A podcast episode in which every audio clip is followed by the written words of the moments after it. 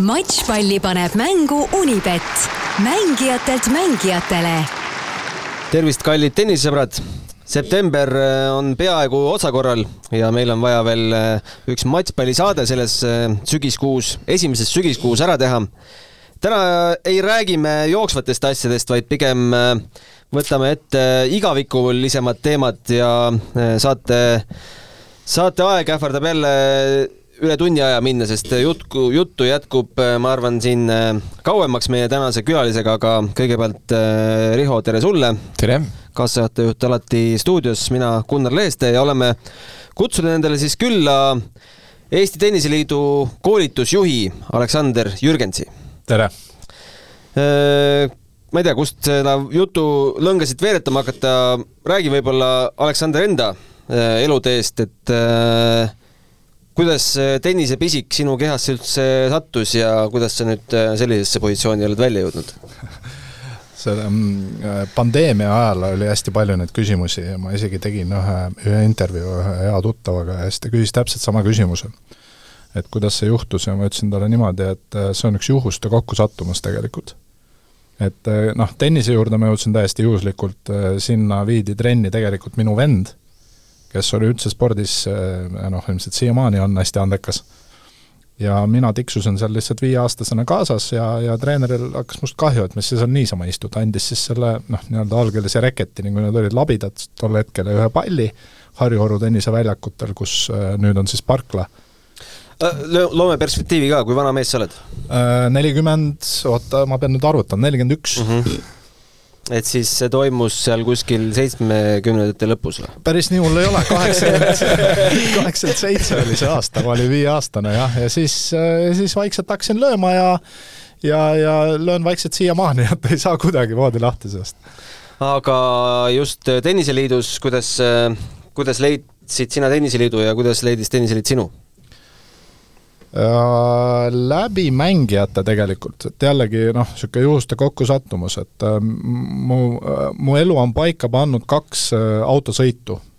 Ähm, esimene autosõit oli, oli Nõmme väljakutelt koos Villem Lapimaaga ta, ma palusin, et ta viskaks mu kuhugi ära, kuhu ta liikus ja siis ta ütles, et kuule, et Audentases ehitatakse uus hall, aasta siis oli kaks tuhat kaks, mina olin niisugune hästi noor treener, Nõmmel natuke tegutsesin, ja siis ta ütles, et äh, ehitatakse uus tennishall, et äh, sinna on treenerit vaja, et kas sa tahaks, ma ütlesin muidugi tahan. ja siis saingi sinna tööle, töötasin seal natuke aega, tahtsin midagi enamat teha, võib-olla võistlejatega ja nii, ja siis sattusin Rene Bushiga sõitma samasse autosse samamoodi Rene viskas mu kuskile ära ja küsis, kuidas sul läheb, ma ütlesin, et tead, noh, tahaks natuke rohkemat, ta ütles, tead, mul üks treener just läks ära, et ega sa ei taha, ma ütlesin, muidugi tahan. ja, ja siis ma sattusin tema juurde äh,, sattusin siis äh, sellisesse gruppi, nagu seal oli Christopher Klettenberg äh,, Karju Saar hästi palju veel teisi e-, erinevaid mängijaid, kes olid ikkagi korralikud võistlussportlased.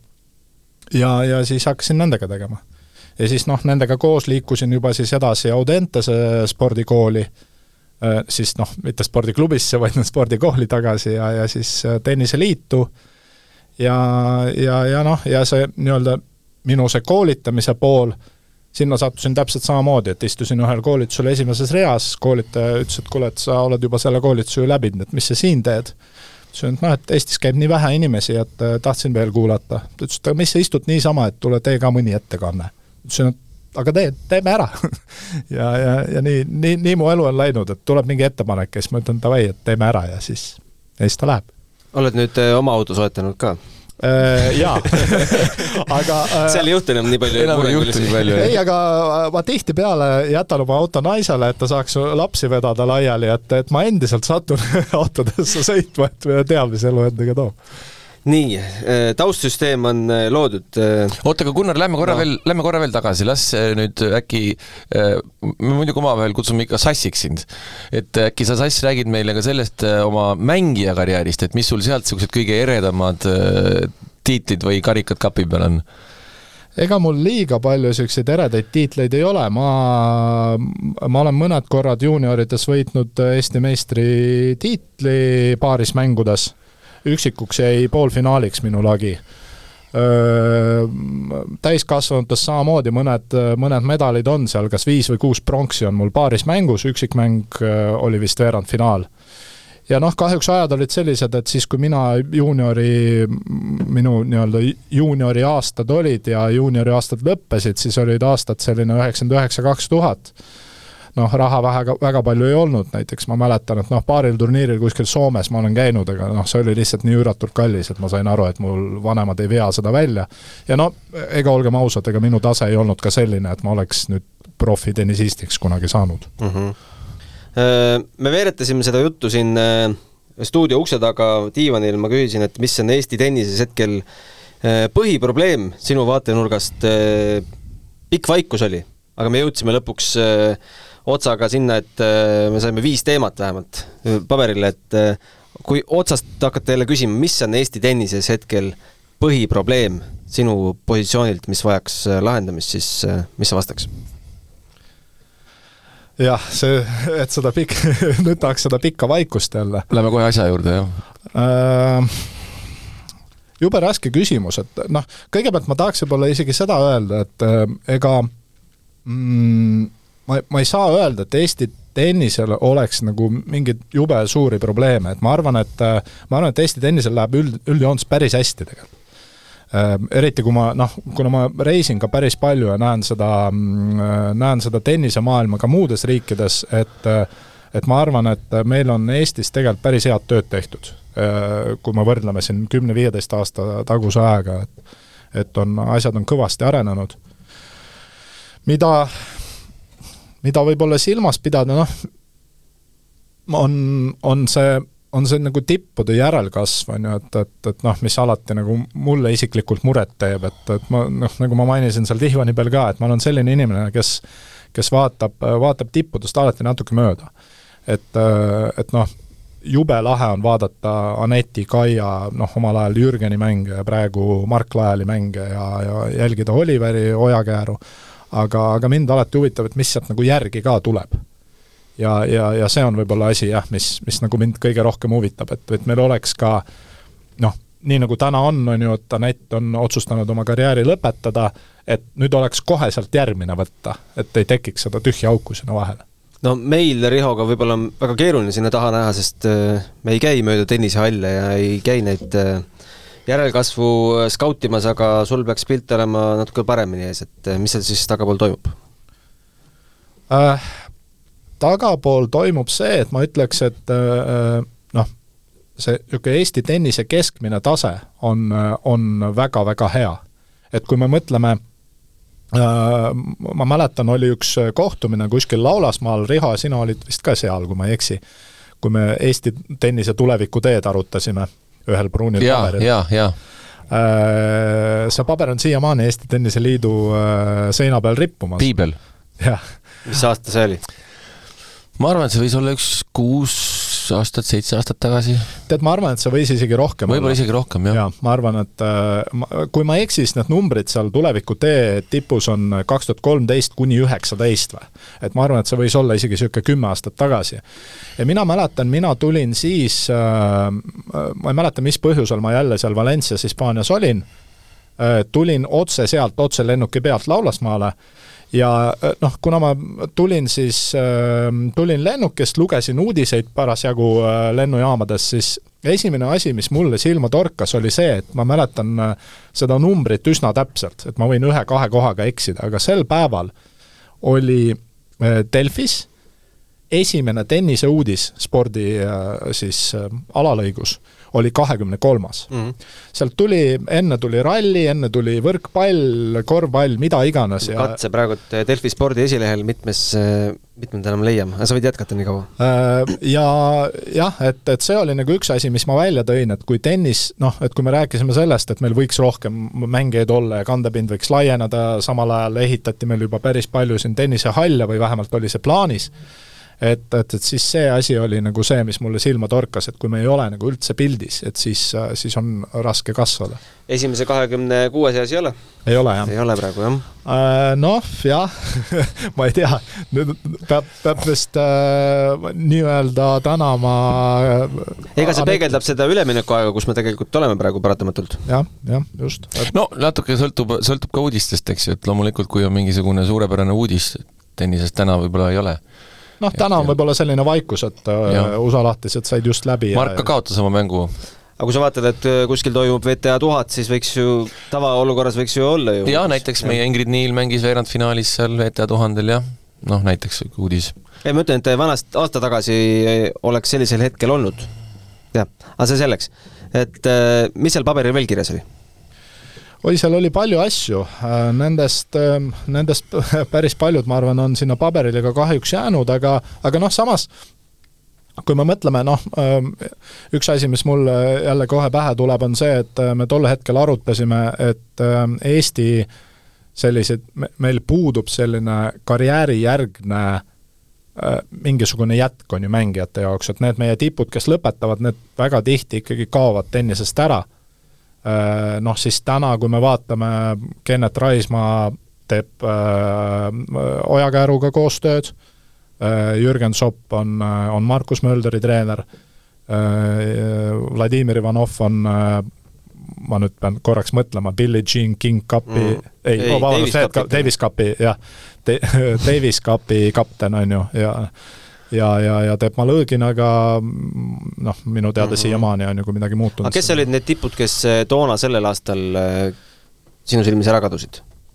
Kas meil oligi sel ajahetkel nüüd nii väga tipp? no noh, tegelikult on seda raske öelda, sellepärast et need nii-öelda võib-olla head mängijad, ega nad ju ei, ei saanudki nagu profisporti teha, on ju, et kui me võtame tolle aja mängijaid, võib-olla seal ma ei tea, Gert Vilmsi või, või kes seal võisid olla, Andrus Pirn oli väga hea mängumees tol ajal ja noh, ütleme, ma ei tea, noh, need keegi ju tegelikult nagu tuurile ei jõudnud või isegi varasemast ajast ka Alti Vahkalist on palju räägitud, mängis Davis Cupi, aga tegelikult ju nad mängisid üksikuid turniire oma karjääri jooksul, nii Rene kui Andrei kui Alti, et noh, keegi ju ei käinud päriselt niimoodi, et mängiks kakskümmend viis aastat turniiri aastas, et seda ei olnud.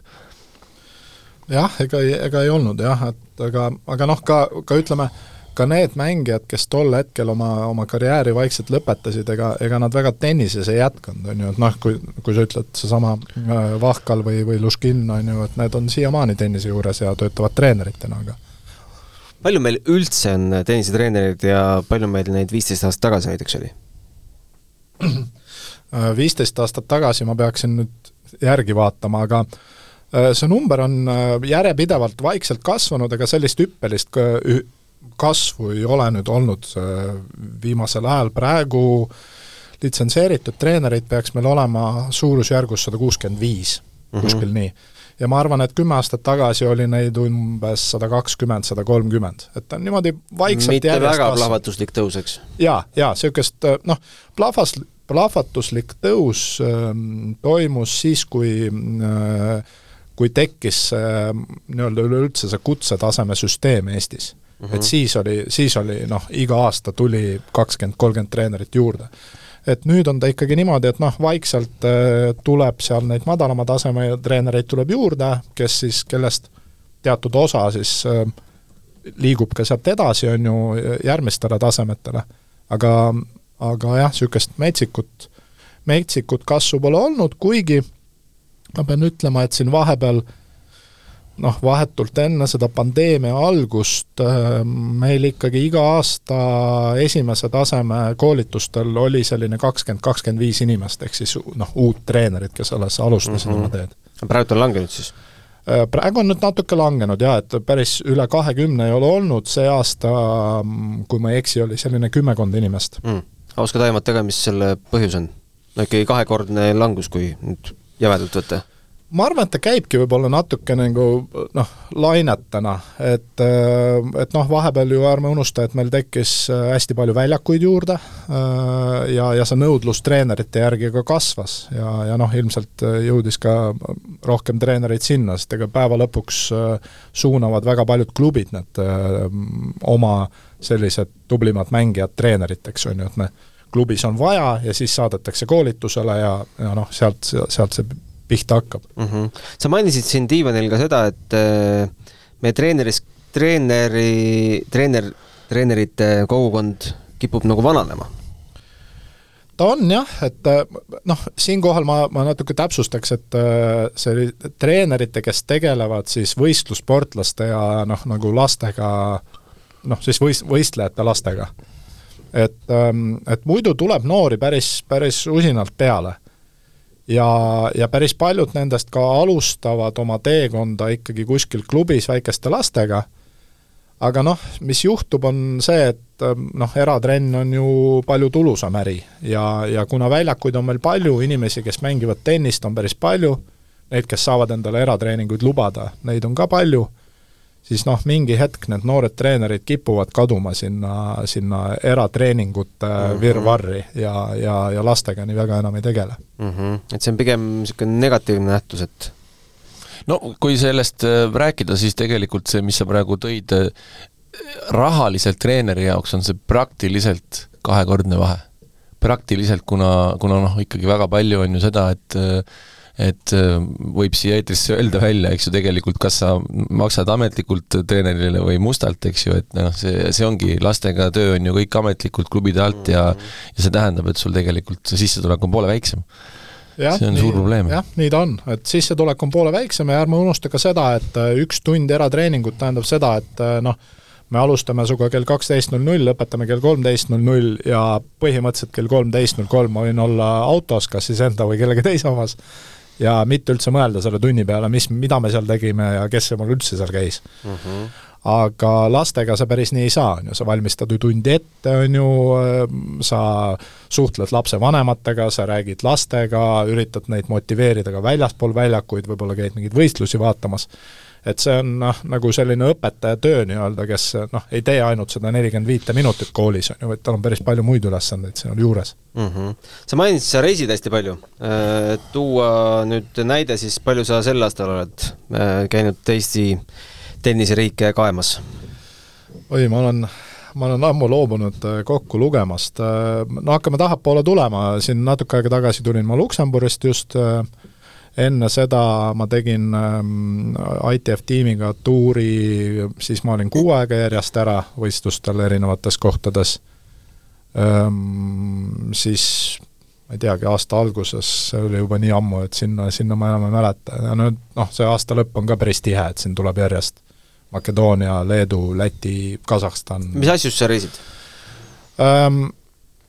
Niisugune põhiliselt kaks asja, et ähm, äh, üks, üks pool on siis äh, treenerite koolituse pool, sest et noh, ma ei, ma ei ma ei tee ainult äh, Tenniseliidu jaoks koolitusi, vaid äh, teen koostööd ka rahvusvahelise alaliiduga, ITF-iga.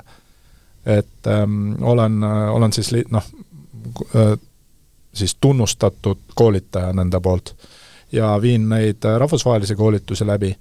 ja teine pool, mis ma ITF-i jaoks teen ja, ja siis noh, Euroopa alaliidu jaoks, on, äh, on treeneritöö, mis tähendab seda, et ähm, äh, näiteks ähm, iga aasta pannakse kokku noh, nimetatakse seda ITF tiim, kus on neli poissi, neli tüdrukut üle Euroopa, pannakse selline tiim kokku kaheksast mängijast ja siis saadetakse nad tuurile niisuguseks neljaks pooleks nädalaks ja mina olen siis üks nendest treeneritest, kes nende tiimidega siis kaasas sõidab. see on mõni Eesti mängija ka kunagi on? jaa, on küll tegelikult, see aasta oli kuni neliteist tiimiga, oli Kira Baškov, oli mina, mina reisin tavaliselt Euroopa-siseselt, ma reisin kuueteistaastastega, noh, ta on U kuusteist tiim tegelikult seal viieteistaastased ja eelmine aasta käisin siis USA-s äh, Äh, neliteist tiimiga ka, aga, aga jah, seal, seal eestlasi ei olnud. küll oli üks Läti tüdruk näiteks. kuulge, ma teen ettepaneku, kui Kiira nimi siit juba läbi käis, siis äh, no see ei ole saladus, et äh, tema on meie selline kas just järgmine Anett või Kaia, aga,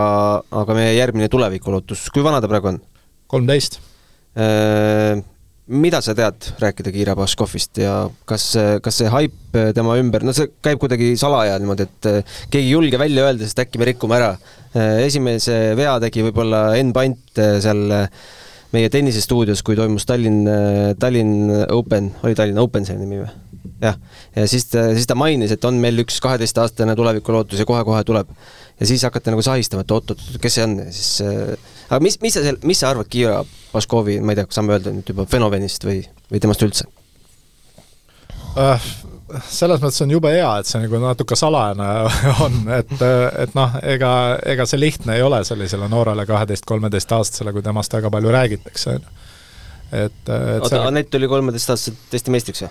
jah, aga ma saan, ma, ma arvan, Sass saab väga hästi ka tenniseinimesena aru, et me teame, neid näiteid on küll ja küll, neid Tennis Europe'i esimesi ja top kümnes ja top kahekümnes, kes kuueteistaastaselt enam reketeid käes ei hoia. aga kus ta on Tennis Europe'i selles mõttes tuleb väga ettevaatlik alati olla aga kus Kiira on top? Äh, Kiira, ma nüüd ei ole vaadanud äh, viimasel ajal, aga ma arvan, ta peaks olema ikkagi selline top kolmkümmend ja ärme unusta, et ta praegu on aasta noorem ka mm, -hmm. et aasta alguses äh, noh, jällegi ärme räägi ainult Kiirast, et äh, ma just äh, Rihole ütlesin, et äh, Noora Adamson on ka selline noh, kes tuleb sinna Kiirale järgi ja nad on noh, jällegi jumal tänatud, et nad kahekesi on samas vanuses, et nad üksteist kogu aeg natuke push ivad, on ju. et, et see on, see on väga väärtuslik asi, et sul on nagu Eestis mingi mm -hmm. konkurent, kes sind ikkagi edasi, edasi lükkab kogu aeg ja ma arvan, et need kaks tüdrukut peaks olema Hiina on kolmteist praegu. kolmteist. neljateistaastastes, jah. jah, ja Noora on ka top kolmkümmend, ma arvan, et kui sa vaatad. kes nende treenerid on? ja Noora on kolmkümmend kaheksa, jah. et eh, noh, aasta alguses on need mõlemad top viisteist, kakskümmend, ma arvan, et Kiira on seal noh, top viis võib-olla mm, -hmm. kui, kui mitte päris esimeste seas ja, ja siis ja, aga ega meil tegelikult on, on, kui niimoodi tennis Europit vaadata, ega meil poistega on suht sama seis, sest Ken Ink on viisteist ja Nikita Smirnov on kakskümmend kuus, mhm. ka top mõlemad top kolmekümnes. kes nende treenerid on, tüdrukute? Äh, Kiiraga tegeleb äh, Taavi Tuisk.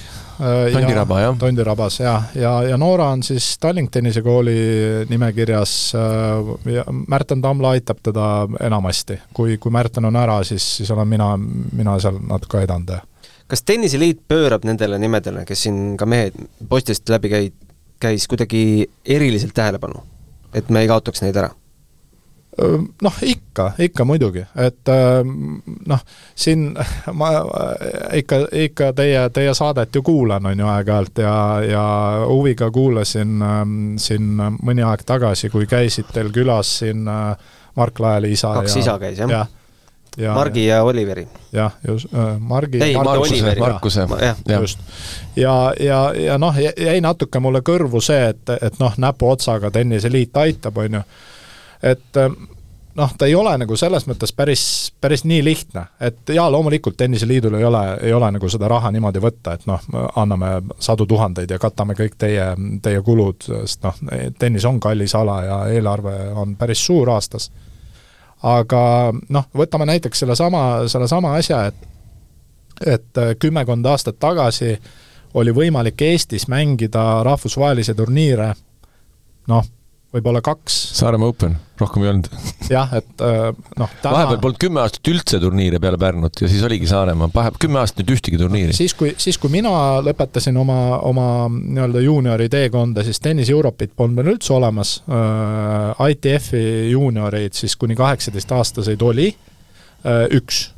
Nõmmel oli, mina sain seda vist kas üks või kaks korda ikkagi mängida aga, aga noh, muidu pidid sõitma mm. -hmm. täna on niimoodi, et äh, kui me võtame siia noh, tänu Schengen tsoonile hästi lihtsasti ligipääsetava Läti, Soome, kuhu muideks äh, äh siis äh, Tenniseliidu suursponsor Tallink sind suht tasuta või üldse tasuta kohale viib, ja, ja näiteks Leedu, siis sa tegelikult regioonist lahkuma ei pea, sa võid aasta otsa mängida kakskümmend, kakskümmend viis turniiri ilma, ilma mingi küsimuseta ja, ja saada oma punkte, saada oma kogemusi ja mm -hmm. et no, mul tuleb sulle sinu jutu peale meelde, vaata aasta see oli vist kaks tuhat üksteist, kui loodi SEB Tallinki tennisetiim ja ma mäletan, et äh, tol hetkel ma just vaatasin neid Tennis Europe'i edetabeli kohti eestlastel, seal oli heal juhul kaks-kolm mängijat, kes üldse mängisid Tennis Europe turniire ja siis ei olnud, täna me näeme, seal on kakskümmend nime, eks ju, et noh. no just, no ma, ma just äh, siia sõites tuletasin ka meelde, et üks nendest eesmärkidest, mis sinna pruunile paberile kirja sai kunagi pandud, oligi see, et et meie noormängijatel oleks äh, rohkem võimalusi rahvusvahelistel turniiridel osaleda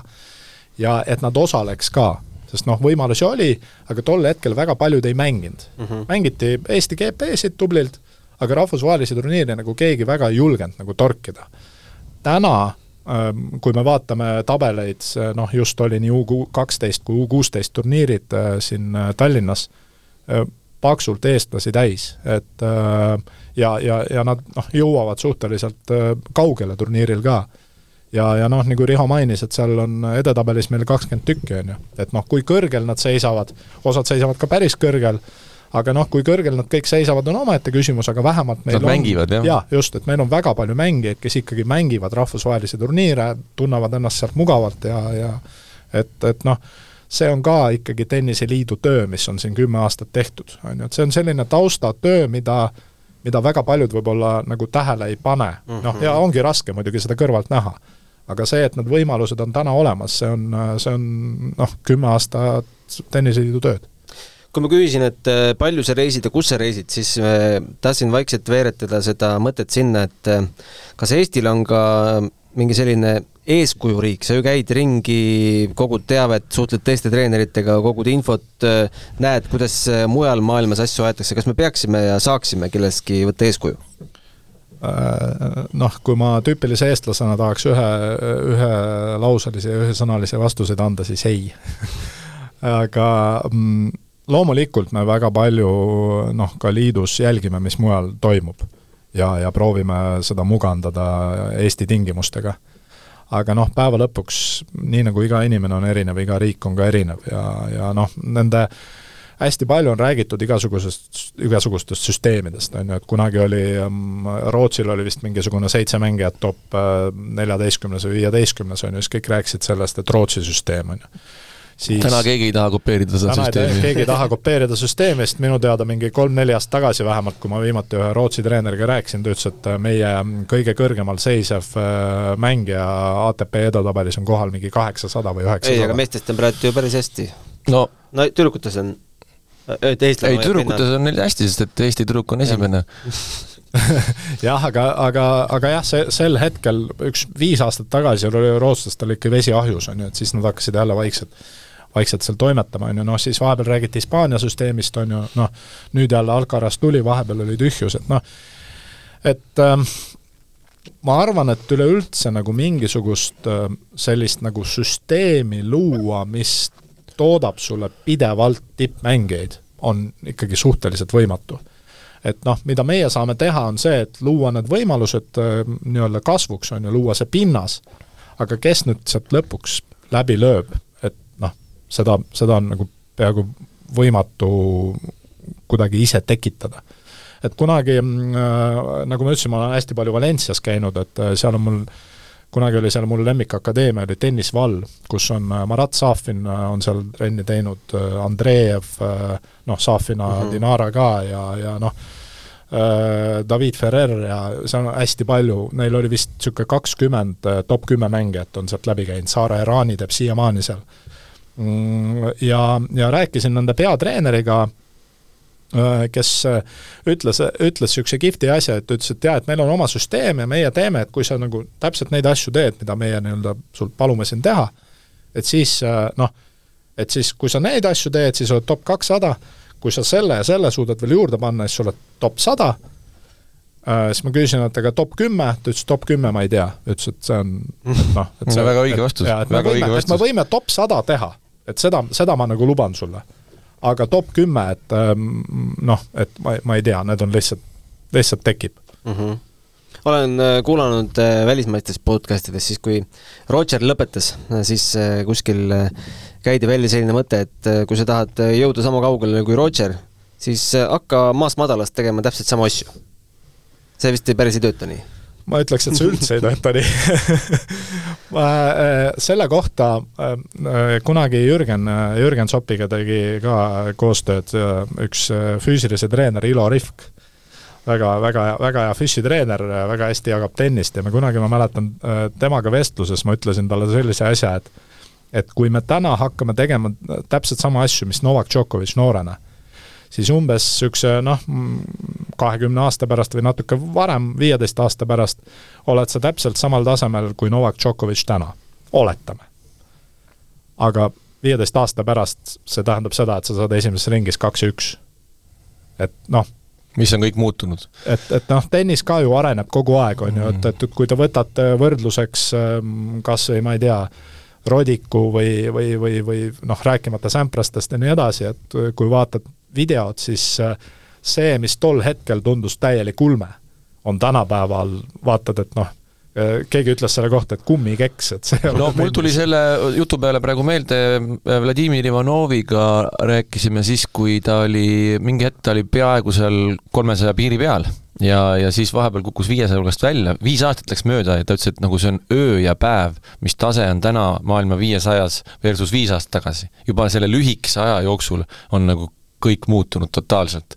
Et noh, rääkimata veel nii pikad perioodid, mida, mida nagu sina mainid, aga jah, selles mõttes oli õige jutt, et äh, noorele lauljale tuleks öelda kindlasti, et ära hakka jäljendama Whitney Houstonit ja Pavarotit ja noorele tennisistile, et ära sa jumala eest hakkad Djokovic'i ja Federeri jäljendama, kui sa tahad tennist mängida ma lasen siia ühe kõlli vahele, muidu läheb see meelest ära.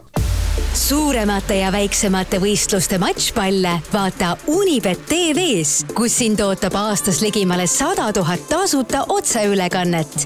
Unibet, mängijatelt mängijatele. sa ütlesid, et Eestil ei ole mingit sellist äh, süsteemi, aga aga ometi ju Tenniseliidul on mingisugused äh, põhimõtted, kuidas me tahame, et siin meie, meie territooriumil äh, tenniseasja aetakse. oskad sa midagi välja tuua?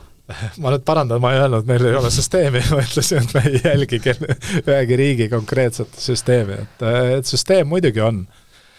Äh, noh, väga palju, väga palju rõhku on olnud ikkagi nendel võimalustel, et, et oleks võistlusi, et äh, lastel oleks, oleks neid tennisehalle, kus treenida, oleks neid treenereid, kes need treenivad et noh, ka selline vastupidiselt ähm, ütleme, arvamusele, mida ma olen päris palju kuulnud, ma, ma olen Eesti treenerite taseme kohta päris kõrgel arvamusel mm. -hmm ja, ja noh, ja nagu ma ütlesin, ma käin äh, treenereid koolitamas äh, välismaal noh, üle Euroopa igal pool ja natuke isegi väljas sellest, et äh, mul on võrdlusmoment nagu olemas. et ähm, ma arvan, et sellega see nende võimaluste loomisega on, on, on meil hästi läinud nii tänu liidule kui ka erasektorile, kes neid äh, väljakuid on siia ehitanud hästi palju, äh, siis noh, järgmine selline eesmärk oli, oli siis see, et meil äh, kas-, siis järelkasvul noorematel oleks, oleks siis selline kvaliteetne treeneritel oleks kvaliteetne info, et äh, treenerid oleks head ja oskaks sellist algõpet korralikult anda. et, et noh, selle, selle poolega me oleme koolitustel tegelenud ja me oleme siin loonud selliseid U neliteist äh, programme, äh, mis on, ma arvan, noh, kindlasti ei ole need täiuslikud, aga, aga ma arvan, et nad on päris palju kaasa andnud. Siin Ott Ahonen, meie U neliteist peatreener, on, on toimetanud mitu aastat siin Äh, laagreid korraldanud nendele vanustele ja, ja treeneritega suhelnud, et noh, kindlasti on see kõvasti kaasa aidanud. ja, ja noh, nüüd proovime siis vaikselt jälle suuna-, noh, su-, suunata seda pilku sinna ülespoole. et ma mäletan jah, et kunagi me Allariga istusime Minskis ühel konverentsil Äh, õhtul fuajees, äh, rääkisime omavahel juttu, kõik läksid meist mööda, ütlesid, et kuulge, hullud, et te töötate samas kontoris, et tulite Minski juttu rääkima aga, aga meil, meil oli huvitav jah, Allar Hindiga siis uh, mhm. -huh. kes on Tenniseliidu pea, peasekretär. tervitusi Mehhikosse jah, ja, ja siis, ja siis me nagu arutasime, noh, ja jõudsime nii kaugele, et mm, noh, Eestil lihtsalt puudub inim- ja, ja finantsressurss, et kõiki aidata ehk siis noh, me peame kuskilt hakkama tulema ja noh, alustasime siis nendest noorematest vanustest. ja loodetavasti noh, jõuame varsti ka, ka ütleme, sellise Mark Lajali vanusteni, kes on kakskümmend, kakskümmend üks, kes endiselt ikkagi nagu tahavad või püüdlevad sinna profikarjääri poole ja noh, väga edukalt Margi puhul, on ju. et, et et noh, küll me jõuame ka sinna ja, ja, ja, ja, ja proovime neid ka kuidagi aidata. Äh, sa mainisid praegu seda finantsressurssi, ma just mõtlesin su käest küsida, mis minu jaoks on selline võib-olla kurb tendents ja reaalsus on see, et meie, me oleme jõudnud Eestis tenniseväljaku hindadega juba viiekümne viie euroni tunnis ja ja noh, põhimõtteliselt võtame nüüd, kui noortennisist võtab kaks tundi väljakut, sada kümme eurot, paneb sinna juurde kaks tundi treenerit ja pallid, eks ju, siis noh, ütleme nii, et kakssada eurot võiks taskus olla, kui tenni lähed, et et kuidas vanas Euroopas see asi käib ja ja vot mina näen just siin väga ohtlikku tendentsi, et, ähm, et see treeningu hind läheb nii üüberkalliks, et võib-olla mõned andekad lapsed, kellel ei ole seda raha, nad ei saa tennise juures äh, olla.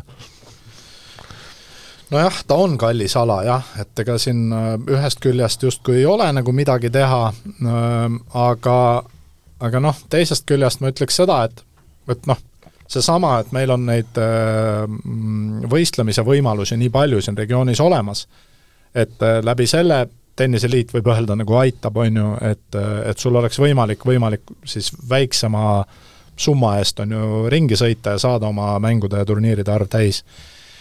teise, teise asjana ma võib-olla niisugune viskaks ühe sellise korraliku kivi ka sinna nagu mängijate ja lapsevanemate kapsaaeda. et ähm, aga ärge olge nii mugavad, et äh, tulge kell seitse hommikul trenni et täiesti tühjad hallid. absoluutselt, Äh, et ähm, noh, mina töötan Tallinki tennisekeskuses, ma olen absoluutselt täiesti kindel, et kui tuleb üks hästi andekas mängija, ütleb, et kuulge, et ma tahaks hiilgelt trenni teha, et kas ta võimaldaks mul iga päev poolteist tundi mängida hommikul kell seitse mm, -hmm. siis ta saaks selle noh, sellise hinnaga, et ma arvan, et ta läheb kütuse peale rohkem raha, kui ta mm, -hmm. kui ta mhm. kodust kohale sõidab. et jaa, loomulikult, kui me tahame noh, olla kella kaheni koolis, käia kuskil kodus lõunat söömas ja tulla kella viieks äh, trenni ja, ja, ja noh, teha kella neljast võib-olla eratrenn veel äh, otsa, on ju, jah, siis see on kallis. Äh, kui otsida nagu võimalusi, siis ma olen täiesti kindel, et, et küll neid saab.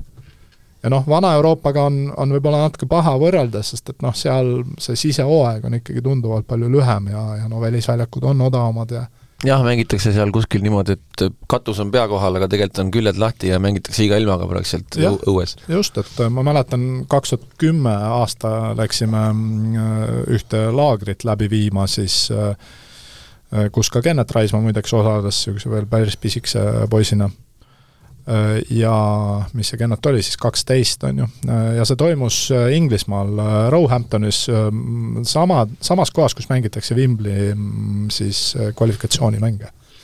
ja jõudsime sinna, jaanuarikuu oli, ma mäletan, ja löövad palli keegi õues. vaat-, vaatan siis kuus kraadi on väljas, küsisin, et kuulge, et mis teil siin toimub. ütlesid, aga mis siis on, meil on täitsa kombeks niimoodi ongi liiva peal, keegi läks siis liivaturniirile oli vaja liiva peal mängida ja mängisid rahulikult, nii nagu sa ütlesid, oli lihtsalt katus pea kohal, seinu ees polnud kuus kraadi õues, natuke pikemad püksid jalas ja, ja, ja kõik andsid tuld. jah, võib-olla see on ka, et me oleme harjunud liiga selle saalitennisega ja tegelikult ka Eestis ma, ma julgen raudselt väita, et võib mängida praktiliselt märtsist alates kuni oktoobri lõpuni, arvestades tänaseid väljakuid ja tehnoloogiaid, kas või need uued hübriidliivaväljakud või kõvakattega väljakud, jumala eest mängi et äh, siis, kui oli pandeemia ju, ma tean, Tallinki kõvakattega väljakutel mängiti rahulikult märtsikuus ka ja Mär, polnud mingit probleemi. märtsi keskpaigas ma mäletan, mängisin, äh, mängisin täitsa ja, ja oli täitsa okei okay., ei olnud häda midagi. päike paistab no, juba kümme kraadi ja mine mängi, igal pool mängitakse Euroopas. et jah, kahjuks on jah, see Eestis on, elu on läinud nii heaks, et äh, inimesed on, on hästi mugavad ja, ja, ja noh, ja väga, väga paljud hädad nii-öelda spordis hakkavad ikkagi sellest, et, et noh, liiga mugav peab olema mm. -hmm. ja, aga ega need liiga mugavad ka ei ole tippsportlased tavaliselt jah, kahjuks noh, jah, selleks, et tippspordis läbi lüüa, noh, sul ei saa mugav olla, et sorry see ei ole lihtsalt võimalik. aga millise riigi süsteemi sa kadestad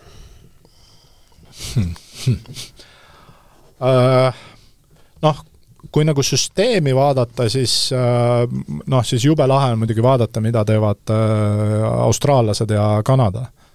et, äh, et noh, nendel, nendel on tõesti süsteem. ja milles see seisneb? Koondised, koondiste trennid, noh, inim, inimressurssi on hästi palju, kes, kes korraldavad juba seal vanuses kümme mingisuguseid kogunemisi, on ju, tehakse testimisi, siis küll mitte, mitte nii-öelda tenniseoskuse, aga, aga füüsiliste, füüsilise võimekuse teste. ja, ja see süsteem on nagu hästi, hästi asjatundlikult üles ehitatud, aga noh, seal on ka metsikud rahad taga muidugi, et noh, Eesti mõistes see riigi rahad või? Äh, ma ise, vot seda ma ei tea ausalt öeldes jah, et ma ei oska öelda mm. -hmm. no ma ise lootsin, et sa nimetad ühe teise riigi, äh, Tšehhi Vabariigi, äh, kust minu küsimus tõukub, on see, et ma käin ju ka aeg-ajalt, olen siin jõudnud Venice Openi ja Wimbledoni ja siis lauanaabriks on kuidagi sattunud niimoodi, et noh, need slämmid panevad need lauad paika ka eelmise aastate põhjal, et lauanaabrid on neli või viis Tšehhi Nad ei saa püsti ka tõusta oma kohalt, sest nad peavad kõiki mänge korraga vaatama. mina käin oma väljakul, Kaia neti väljakul ja tulen lugu kirjutama, aga nemad ei saa lahkuda, sest korraga mängib viis, kuus, seitse mängijat, et kuidas sellest riigist tuleb lihtsalt nagu tehasest? hea küsimus, oskaks vastata ka.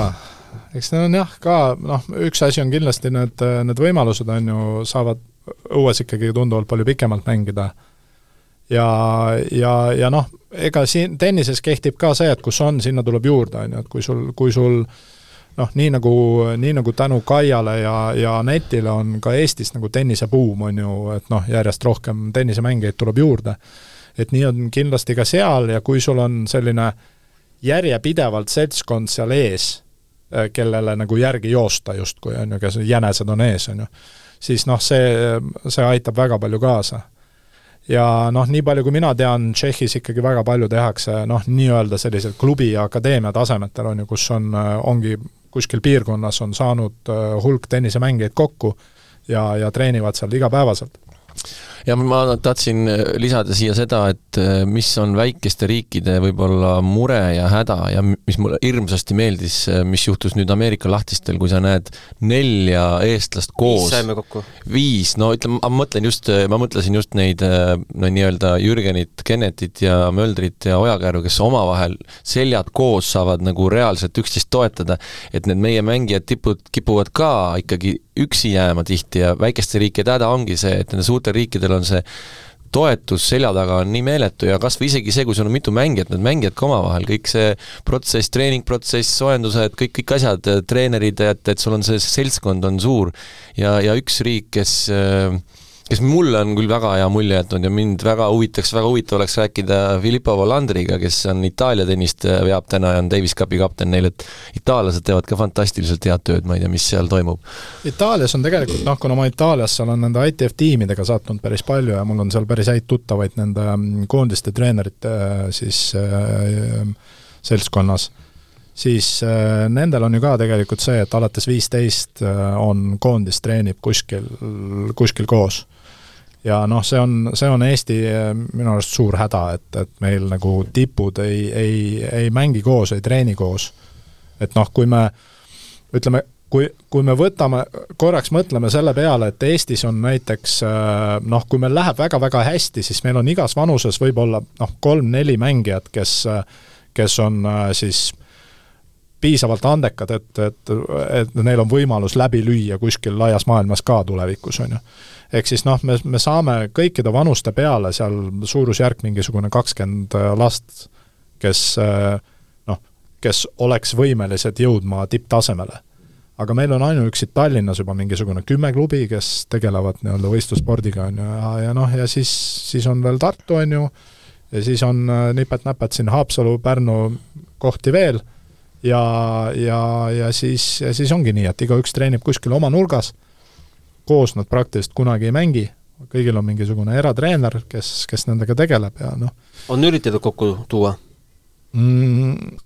On, on, aga noh, näiteks seesama, seesama U14 programm ongi Ott Ahoneni nii-öelda igapäevane töö on see, neid, neid laagreid neid laagreid korraldada ja, ja sinna neid mängijaid kokku tuua, aga no ta ütleb ka, et ikkagi nagu probleeme on sellega, et mille taha see jääb? Äh, ma ei tea, nüüd on see koht, kus võib-olla piiks peale panna, aga lapsevanemad ja, ja lapsevanemad enam, enamjaolt ja, ja no võib-olla ka treenerid mingis mõttes, aga, aga jah, väga palju on ikkagi seda, et, et noh, aga kes sinna tuleb? aga kui tema ei tule, siis mina ka ei tule ja mul pole mõtet nendega mängida ja noh, ja, ja kõik see jutt uh. Mhm. -huh. et, et noh, et kui mina et kui mina näiteks äh, olen kaheteistaastane, siis, siis ma tahaks ilgelt sinna uus U neliteist äh, koondise kogunemisele tulla mm. -hmm. sest jube põnev on vanematega mängida. aga kui ma neliteist olen, siis ma enam sinna ei lähe, sellepärast et kaheteistaastastega mul ei ole põnev teha mm -hmm.. noh, ja siis, noh, ja siis tekibki sealt, tekivadki käärid, on ju, et, et noh, sa justkui tahad vanematega mängida, aga ise sa noorematega ei ole nõus mängima, et noh, see ju ei tööta nii et kunagi ma, kunagi ma, ma nägin siis, kui David Ferrer oli maailma number kolm, siis äh, mul õnnestus äh, Valencias, olin ühel pikal ähm, treenerite koolitusel, siis mind koolitati nii-öelda, ja, ja ja siis õnnestus näha, siis seal oli kolm mängijat, kolm tippmängijat, äh, Donskoi oli siis selline umbes nelikümmend, viiskümmend maailmas, siis oli David Ferrer ja Sara Erani, kes siis valmistusid USA lahtisteks just ja, ja, ja noh, kuna meil see koolitus käis ja me olime seal akadeemias, siis meil oli lubatud ka nende väljaku peal olla, noh loomulikult segada ega midagi ei või, aga ma võisin treeneriga juttu rääkida, küsida, miks ta just selliseid asju teeb ja mida nad üldse seal teevad. ja, ja, ja siis, siis ma küsisin ta käest, et näed, et kuule, et aga David teeb siin, ma olen, ma olin seal kaks pool kuud kokku, noh et ma näen kolmandat nädalat ta teeb trenni, üks kutt oli, oli kakssada maailmas, Taro Daniel mm. -hmm. Sii-, nüüd on ta vist äkki top sajasse jaa, jaa, kõrgem, jah, jah, jah. ja siis, ja siis oli seal äh, paar sellist äh, nelisada, kaheksasada, kuussada, noh, selliseid tüüpe, kes kes siis vastu lõid, on ju. ja küsisin ka, et kuidas on, et noh, et kas, kuidas nendega trenni teha on, et aga milles küsimus, noh et üks ühte nurka, teine teise nurka ja nad on piisavalt head, viga väga ei tee, et noh ei ole üldse probleemi, et noh, kui on vaja tõ-, tõesti mingi võist-, juba vahetult enne võistlusi matšiks valmistuda, on vaja korralikumat sparri, et noh, et siis jaa, sõidetakse kuhugi äh, mingi nädalake enne ja tehakse, tehakse mhm. siis ähm, enda tasemele vastava mängijaga. aga igapäevaselt pole mingit probleemi. kas Eestis on ainest äh, materjali luua selline Kuutu Great Akadeemia taoline asi? Kui me nüüd tookskime need äh, Eestimaa parimad kokku ja võtaksime ka siit natuke naaberriikidest juurde? Äh, ma kardan, et juhtub see, et see on lätlasi paksult täis ja eestlased ei tule sest et aga mis selles halba on? see oleks ka hea ju no. kui Ostapenko ja Kulbis tulevad et jah, lätlased nagu otsivad neid võimalusi ikkagi nagu teha koos ja, ja, ja nemad, nemad ikkagi helistavad aeg-ajalt ja küsivad, et noh, et kas saad jälle siia tulla mm,. Eestis on äh, kahjuks on jah, niisugune väikeriigi mentaliteet on ikkagi väga palju sees, et, et noh, ma tahan olla, ma tahan olla riigi parim. ükskõik mis hinnaga, on ju, et, et noh, et, et pigem ma olen maailmas äh, viissada ja Eestis esimene, kui maailmas äh, kakssada ja Eestis kolmas mm. -hmm. et natuke on nagu seda tunda ja noh, see ei ole, ma muidugi noh, liialdan, see ei ole ainult Eesti probleem, et ma olen ka teistest riikidest mm -hmm. kuulnud, et, et, et noh, ka neil esineb seda, on ju, et see on inimlik.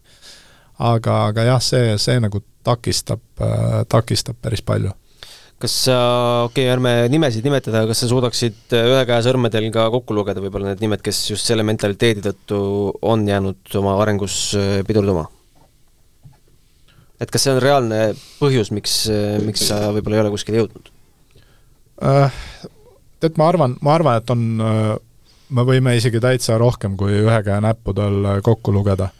sest et noh, ikkagi kiputakse ennast võrdlema äh, kohalike mängijatega, mis on äh, noh, miks see halb on, on see, et äh, ütleme, kui näiteks edetabeli number kaks ei ole piisavalt hea ja ma võrdlen ennast temaga, siis ka minu areng pidurdub, on ju, sest et noh, ma, ma rahuldun sellega, et ma olen tast eespool mm, -hmm. kuigi minu võimekus on võib-olla palju suurem ja teisest küljest vahest juhtub ka see, et ai, noh, et ma siin Eesti meistriks niikuinii ei tule, et see tüdruk või poiss on minust äh, nii palju parem, on ju, ja, ja noh, antakse alla, kuigi tegelikult las ta olla sinust parem, sest ta ongi võib-olla noh, nii-öelda tulevane maailma tipp, on ju, ja sinul on ka tegelikult võimalus sinna üsna lähedale jõuda mm. -hmm. et ähm, jah, unustatakse nagu iseendasse vaadata rohkem kui jah, ma olen ka just nii paljude noortega seda rääkinud, et sa peaks olema ülitänulik, kui sul on oma vanuseklassis keegi, kes on sinust veel parem kes sind nii-öelda edasi push ib, et sul on kodus olemas selline konkurent, kui sul seda ei ole, siis sa oled ju noh, palju vaesem selle võrra, et sul ei olegi kodus endast tugevamaga trenni teha, et see on ju,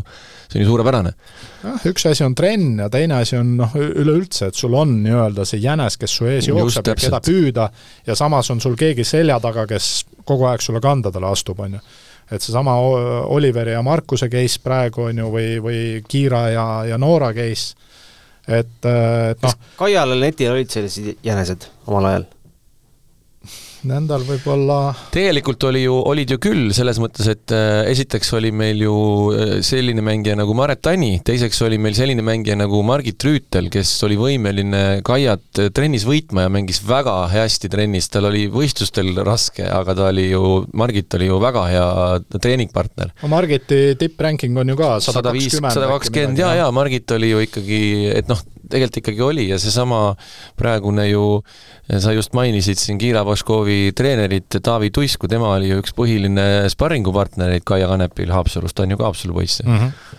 et, et, et noh, alati on keegi seal olemas olnud kes, kes on selle noh, ta sai siis mängida oma vanusest poisiga, kes, kes suutis tast paremini veel mängida sel hetkel, et noh, järgmine põlvkond samamoodi, Jürgen äh, Vova Ivanov äh, seal seal oli väga hea punt oli seal, seal, väga hea viis-kuus, kes seal oli?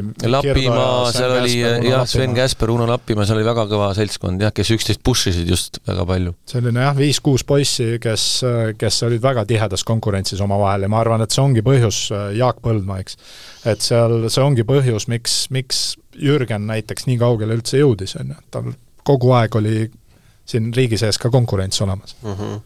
Äh, Aivar Pohlak alati armastab äh, tuua neid näiteid, et äh, et Eestis tekkis esimene, noh, viimane, eelviimane jalgpallibuum tekkis siis, kui Eesti pääses sinna play-off'i ja EM-i jalameeli aastal kaks tuhat üksteist ja teine suurem buum oli eh, kaks tuhat kaheksateist, kui Eestis toimus eh, UEFA superkarikamäng. kas me saame oma tenniseajaloos ka tuua sellised, et eh, pärast seda sündmust hakkas lapsi trenni tulema nii et murdu? kas Tallinna Open oli üks selline indikaator? absoluutselt, kindlasti, kindlasti, et noh. nägite kohe numbrites, et siis midagi muutus?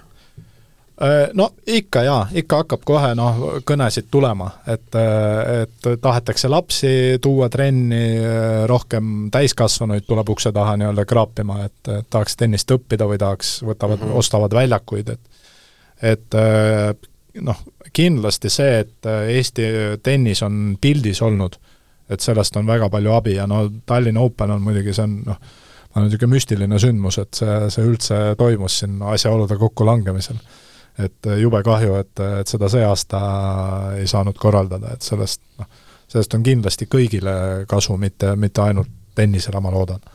ja mis on Aivari point ka selles, et äh, buum tekkis, aga treenereid ei jätkunud mingil hetkel, kas äh, tennises kummitab ka see probleem?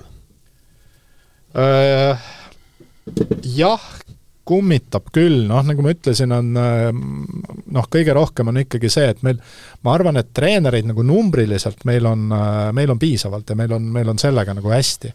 aga just neid treenereid, kes tahaks ja viitsiks äh, nende noortega tegeleda, et ähm, noh, neid on esiteks vähe Äh, teiseks noh, nagu me rääkisime, et vananeb see seltskond, mitte et see nagu halb on, et nad nii-öelda vaba, vananevad, on ju, aga, aga see number jääb samaks, nimed jäävad samaks, et ei ole seda niisugust noh, pealekasvu. E-, ei saa öelda, et üldse ei ole, et äh, on küll noori treenereid, kes on väga tublid, tahavad ennast arendada, viitsivad, äh, viitsivad seda tööd teha. see ei ole, ei ole üldse kerge töö, mul noh, ei hakka üldse valetama, et see, mhm. see on keeruline töö. aga, aga ma ei saa öelda, et neid üldse ei ole, aga, aga jah, need võiks, võiks ikkagi palju, palju rohkem olla. et selles mõttes nagu selles mõttes on treenereid vähe ja teine asi, mida ma, mida ma nagu noh, näiteks Tallis, Tallink tennisekooli järgi, kus ma olen peatreener, sealt ähm, ka nagu näen väga palju, et seesama mugavus, et täna tahavad kõik äh, okei okay,, kõik on lahmimine, aga väga paljud lapsevanemad ja lapsed tahavad trenni teha mugavatel aegadel.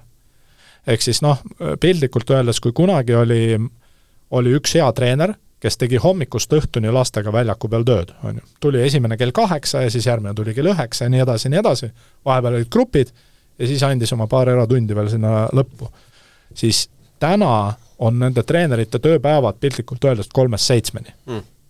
Sest et noh, kell kolm hakkavad esimesed lapsed koolist jõudma, äh, neljast äh, seitsmeni on tal äh, grupitrennid ja siis noh, kell seitse on juba il liiga hilja, et siis lapsed enam ei tule. no siin peab ka nagu lapsevanemast aru saama, et kus, millal see laps siis koolis käib, et koolitunnid ju on sellistel aegadel seda küll, aga, aga, aga ütleme jah, teatud vanuses, ütleme seal vanuses kuskil neliteist, noh, sa pead hakkama näpistama siit-sealt. Ja, ja jällegi täna on neid võimalusi nii palju rohkem, et ma ei räägi üldse sellest, et kooli peab pooleli jätma, absoluutselt mitte. no vot, sa võib-olla oskad paremini öelda, ma, ma julgen väita näiteks, kui me räägime ITF-i noh, tipptasemel mängijatest, noh, nad tegelikult tegelevad äh, päevas vähemalt viis-kuus tundi treeningutega, viis-kuus tundi, see on praktiliselt nagu koolis käimine, et noh, võib-olla tennis-Euroopis natuke vähem, aga lihtsalt kust see ajaline ressurss tuleb, on ju, et sa noh, sa pead ikkagi panustama sinna väga palju aega. Ikkagi väga palju kasutatakse neid e-kooli võimalusi ja, ja noh, online õppimist, on ju, et äh, seal vanuses Kaia vist jättiski kooli pooleli peale üheksandat oli nii või? no eks meil on ju ka paremad tipud on ju samamoodi Audenteses e-koolis, ega ei olegi varianti, kui sa tahad ikkagi oma kakskümmend viis turniiri aastas mängida, sa ju reisid nii palju, sa ei saagi, noh, see pole võimalik päevakoolis. et jah, et ma ei taha nagu absoluutselt seda öelda, et kooli peab pooleli jätma mm, jumala eest mitte, et noh, kui jällegi Anett Kontaveit suutis äh, e-kooli Audenteses kenasti ära lõpetada mm -hmm. ja õpib veel ülikoolis ka, on ju, äh, või noh, õppis tennise karjääri kõrvalt, on ju, siis järelikult on ju see kõik võimalik mm. -hmm et äh, aga, aga jah, mingisuguseid kokkuleppeid kooliga on vaja sõlmida, kas või need kehkatunnide ajal äh, korraks sinna treening, trenni põgeneda, on ju, või, või noh, mingisugused aineid võib-olla saab üle nädala käia, on ju, et, äh, et noh, neid tänapäeval saab neid asju palju lihtsamalt kokku leppida, kui võib-olla siin kümme, viisteist, kakskümmend aastat tagasi mm. -hmm. veel üks teema, mida sina soovitaksid täna sellisele lapsevanemale, kes on nagu teelahkmel, kas minna Äh, Mark Laiali ja teiste äh, selliste kombel Välismaa Akadeemiasse või pusida ikkagi Eestis edasi? kumb, kumb tõenäolisemalt toodab äh, tippmängijaid? Palju sul raha on ütleme, et on, aga ei tea, kuhu panna. no ma ütleks niimoodi, et öö, ma olen seda Eestis lapsevanematele ka öelnud, et öö, noh, kui sul on öö, noh, niisuguseid tippakadeemiad, neid, ütleme, ma, ma täpselt neid hindu ei tea, aga no tippakadeemiad küsivad su käest nädala eest ikkagi selline kaks, kaks pool tuhat, on ju. et äh, kui sul on see raha võtta, siis ma olen öelnud, et äh, anna see oma treenerile ja sa saad kaks korda parema asja siin kohapeal. Sest et noh, väga palju on seda illusiooni, et ma, ma nüüd sõidan sinna Marotoglu akadeemiasse ja tuleb Patrik isiklikult, lükkab korvi väljaku peale ja hakkab minuga tegelema. ei, sõbrake, nii see ei käi. et noh, sa suure tõenäosusega noh, Patriku pilti seina peal heal juhul näed, on ju. või Nadali akadeemiast. või Nadali akadeemiast. näed ekraani pealt ainult just, et, et noh, see ei ole üldse nii, et ähm, seal on väga palju neid samu, jaa, seal on grupid nii-öelda väiksemad, seal sa oled üksinda, kahekesi, võib-olla kolmekesi väljaku peal, seal on sul treener, see treener on tegelikult kõrvallinnakesest mingi tüüp, kes on kunagi tennist mänginud, äh, noh, jällegi ma natuke liialdan, on ju, absoluutselt on seal ka väga häid treenereid, aga seal on ka tunduvalt palju hullemaid treenereid kui sinu treener siin kodus ja ärme unusta kunagi seda, et äh, Moratoglu akadeemia treeneri jaoks oled sa lihtsalt üks suvaline inimene, kes uksest sisse astus. siin kodus sa oled oma treeneri jaoks oma, ehk siis tema panustab ka vastavalt rohkem. et kuni teatud van-, vanuseni, kuni teatud tasemeni, ma arvan, et Eestis saab palju paremat nii-öelda teenust. mingist hetkest alates mm, mitte isegi, äh, mitte treeneri pärast, ma arvan, et meil on Eestis äh, keskmine treenerite tase on päris hea, ma arvan, et meil ei ole, mida välismaal tihtipeale näeb, et noh, on inimesed väljaku peal korviga, kes tegelikult reaalselt ei jaga üldse matsu. meil nagu seda väga ei ole, et meil noh, meil on keskmine tase, ma arvan, päris, päris hea. ja, ja meil on ka treenereid, kes jagavad väga hästi seda tennist, kes on teinud noh, ka ATP WTA tasemel mängijatega koostööd ja, ja, ja me, meil on väga häid treenereid ka. aga mis on Välismaa Akadeemias ikkagi hoopis teine, on, on, on see keskkond. et seal on koos ühes kohas inimesed, kes töötavad kõik mingi eesmärgi nimel. ja, ja see noh, see keskkond, selline noh, töökas, eesmärgipõhine niisugune töö, mis seal käib, et see tõmbab sind ka ikkagi rohkem kaasa ma arvan, sa ütlesid väga õige, õige koha, et sa oledki mingi hetk tennises just täpselt sellel teelahkmel äh, mingist vanusest, et äh, sa pead aru saama ka lapsevanemana, et, et selleks, et tipptennises läbi lüüa, on sul vaja tegelikult täiskohaga inimene kõrvale võtta. et kas sa siis maksad talle niimoodi, et ta on kella kolmest viieni, mängib su lapsega ja siis elab muud elu, või ta ongi sinu personaalne treener ja seesama asi tuleb sul ka seal akadeemias ette, et kui sa, noh, Mark Laiali näite sa tõid, Margil on väga hea enda treener, kes temaga nagu tegeleb, et, et see ei juhtu iga lapsega, kes sinna akadeemiasse läheb, et et see ongi see noh, mõttekoht ja mis täna tegelikult on Oliveri ja Markuse suur õnn, on see, et nad on tegelikult mõlemad endale saanud täiskohaga kõrvale treeneri. et noh, ilma on see ülimalt keeruline, ma arvan. ma arvan, et suhteliselt võimatu. no suhteliselt võimatu jah ja., põhimõtteliselt et, et jah, ta, see, see ala on selline, et jah, et sul, sul tuleb see inimene sinna kõrvale võtta ja noh, ja, ja sul tuleb ka tema aeg nii-öelda kinni maksta, on ju, et, et noh, et äh, mingis, mingis vanuses äh, need arved lähevad ikkagi päris suureks. et noh, kõik need lapsevanemad, kes meil koolis ka siin küsivad eratrennide kohta näiteks, on ju, siis ma olen kõigile öelnud, kui sa oled seal kümme, üksteist, et ole hea, ära väga palju laamenda, et ei ole niimoodi, et käime kaks korda nädalas äh, grupitrennis ja ülejäänud aja teeme siis eratreeneriga. et sellel ei ole lihtsalt pointi, et jaa, mõned eratrennid juurde võtta on väga okei okay,, aga ma olen kõigile öelnud, võta see raha pane endale kuskile purgi sisse voodi alla, et sul läheb seda paari aasta pärast nagu kõvasti vaja mm. -hmm jah, ja keegi peab ju seda nii-öelda tervikpilti ja kogu seda protsessi juhtima sinnamaani välja, et sa ei saa jätta lapsevanema peale seda, et äh, mida su laps sööb, mis kell ta magama läheb, kus ta oma lihashooldust saab, kus ta füssitrenni teeb, et keegi peab kogu seda protsessi jälgima ja need, äh, kõik need osad peavad omavahel ju suhtlema ja koostööd tegema selleks, et tegelikult sünniks see tippsportlane, et et võib-olla see ongi see häda, et tihtipeale need lapsevanemad võtavad, või noh, peavadki, ongi sunnitud selle enda peale võtma ja võib-olla nad ei teagi sellest midagi ja siis treener teeb sellest ainult väikse osa kogu sellest protsessist. jah, ma tooks ainult sinna juurde veel selle, et, et jaa, väga palju lapsevanemad peavad selle enda peale võtma, sest et keegi teine seda ei tee. Teisest küljest aga te ju ei maksa ka treenerile no, selle eest, et ta seda teeks. no just täpselt, see ongi no, see mõlemad teema. korraga ei saa, saa, et jah. ei saa maksta treenerile kolmest neljani tundi kinni ja eeldada seda, et ta veel kaks tundi teeb nii-öelda tasuta tööd tööd ja, ja, ja, ja nii-öelda noh, paneb seda üldist pilti ja programmi kokku, et noh, sa ei saa mõlemat korraga. no eks ta on ikka kakskümmend neli seitse töö ikkagi, ta on sul kogu aeg kuklas, kui sul on ikkagi õpilane, kes on sportlane no.. absoluutselt no,, muidugi, muidugi okei okay,, hakates äh, selle jutu järgi kokku võtma, üle tunni meil läks nagu lubatud. Äh, üldiselt on Eesti tennisega vist päris hästi või? Üks asi, ma praegu, me saate alguses rääkisime äh, numbritest, ma huvi pärast vaatasin, et äh, me rääkisime, palju meil on mängijaid, ma vaatasin, täna meil on näiteks Tennis Europe neliteist äh, vanuses, tüdrukuid on kakskümmend üheksa tükki tabelis.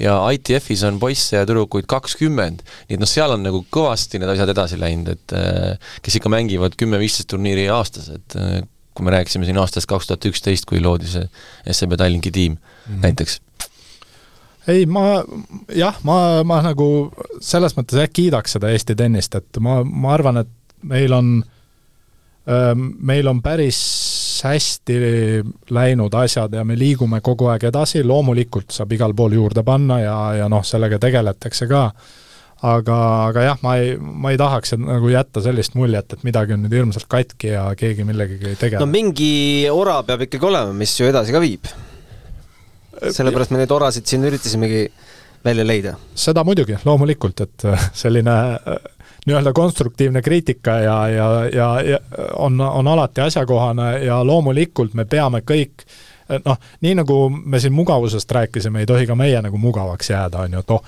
see, see ongi kõige suurem oht, ma mäletan, noh, mis mulle nagu silma torkas, oli see, et kui nii Anett kui Kaia olid oma nii-öelda karjääri tipus, on ju, no okei okay,, Anett veel ei olnud, aga ta oli ka selline top kolmkümmend maailmas, Kaia oli sealsamas, noh, justkui korraks tekkis selline tunne, et oh, me oleme nüüd tennises suur riik ja meil läheb nii hästi, on ju. siis mina alati käisin ja torkisin kõiki, et kuulge, et aga, aga mis sealt nüüd järgi tuleb, on ju, mis sealt edasi saab.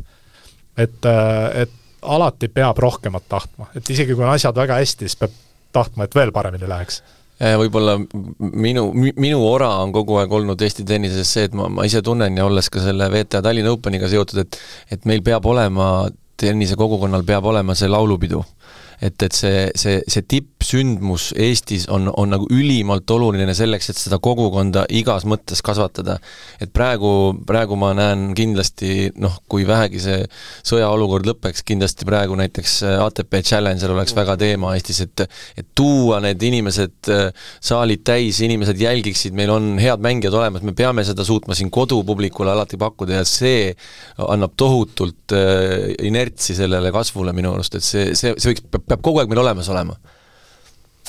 absoluutselt jah, nõus, et see noh, ma ütlen, see Tallinna Open, noh, käisin, käisin isegi vaatamas ja noh, see oli noh, see oli muidugi jackpot, et kaks Eesti mängijat ka poolfinaali jõudsid, et ma mäletan, kui ma Stockholm Openil kunagi kohtunikuna veel käisin äh, päris palju, siis see oli noh, täielik unenägu korraldajate jaoks, et kui kaks rootslast omavahel poolfinaali said, siis mis tähendas seda, et noh, sul on nii poolfinaal kui finaal välja müüdud automaatselt et eh, noh, see oli, see oli parim, mis, mis juhtuda sai üldse ja noh, äge mäng ja kõik ja see, see oli, noh, see oli super sündmus. jaa äh,. teeme jälle teeme jälle.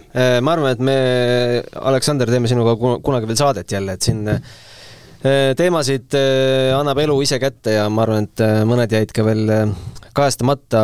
minu arust kandev mõte sellest saatest on see, et teeme rohkem koostööd Eestis omavahel ja kuulame targemaid? Äh, jah, okei okay,, kas just targemaid, keegi ei taha ju tunnistada, et teine on tark, on ju. aga, aga selles mõttes ma võtan seda asja alati niimoodi, et kuulame kõiki ja siis pane sealt tee oma otsus, jah? tee oma see pusle, pane kokku. ja see koostöövärk jah, seda noh, meie väike riik, meil, meil ei ole muud moodi võimalik teha, et, et noh, ma ütlen, et liigume, liigume koos, las see, las see teine mängija olla võib-olla minust eespool, aga koos me jõuame ikkagi kaugemale, kui ma üksinda oleks saanud. jaa, väga ilus. aitäh teile tulemast, aitäh kuulamast ja ajame selle tennisevärki edasi. nägemist! matšpalli pani mängu Unibet, mängijatelt mängijatele